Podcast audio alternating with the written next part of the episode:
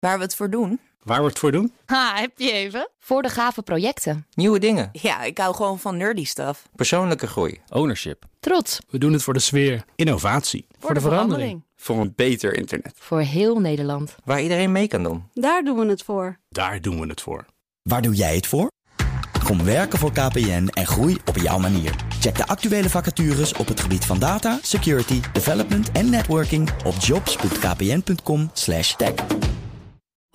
Ik ben Carlijn Meinders. Dit is Wetenschap vanavond. Bacteriën planten zich voort via groei en celdeling. Tijdens elke ronde van groei en deling, de zogenaamde celcyclus, moet de cel alle celcomponenten precies één keer kopiëren. Hoe dit de cel lukt zonder fouten, is een vraag die het wetenschappelijk veld al lange tijd bezighoudt. Onderzoekers van Amolf hebben nu een wiskundig model ontwikkeld dat hiervoor een verklaring geeft. Want hoe weet een bacterie wanneer het tijd is om zijn DNA te kopiëren?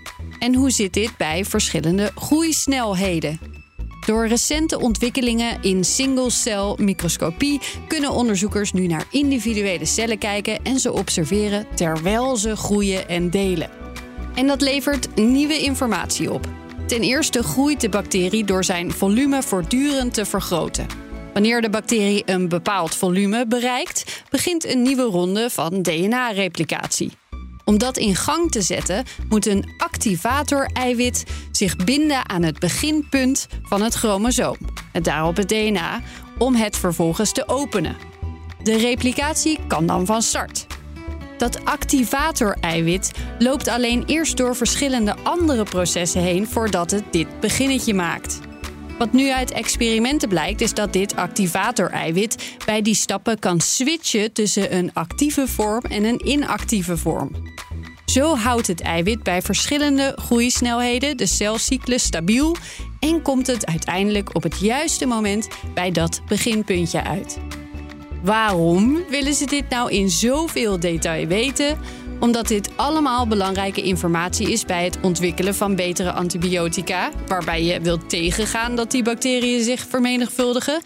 En omdat er hard gewerkt wordt aan het maken van een kunstmatige werkende cel.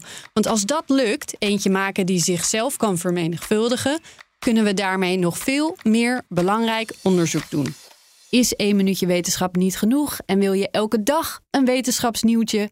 Abonneer je dan op Wetenschap vandaag. Bij BNR ben je altijd als eerste op de hoogte van het laatste nieuws. Luister dagelijks live via internet. Bas van Werven. En heel langzaam komt de zon op rond dit tijdstip. Je krijgt inzicht in de dag die komt op BNR, het Binnenhof in Nederland en de rest van de wereld. De Ochtendspits. Voor de beste start van je werkdag. Blijf scherp en mis niets.